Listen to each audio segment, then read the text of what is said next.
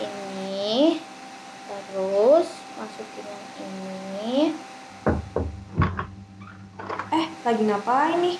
ini lagi buat DIY hand sanitizer soalnya kan udah susah ditemuin di mana-mana Loh, lihat dari mana cara bikinnya?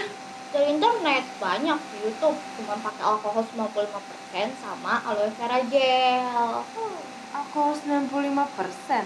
Ya ampun, itu tuh salah. Alkohol segitu tuh bisa bikin kulit kamu iritasi. Mendingan jangan ikutin deh yang kayak gitu. Ada rumusnya sendiri loh buat bikin hand sanitizer. jadi nggak boleh dipakai nih Ya nggak boleh lah. Emangnya kamu mau tangan kamu iritasi, merah-merah, terus perih gitu? Udah, jangan dipakai hand sanitizernya. Kasih tahu juga teman-teman kamu yang lain. Jangan ngikutin cara DIY hand sanitizer di internet.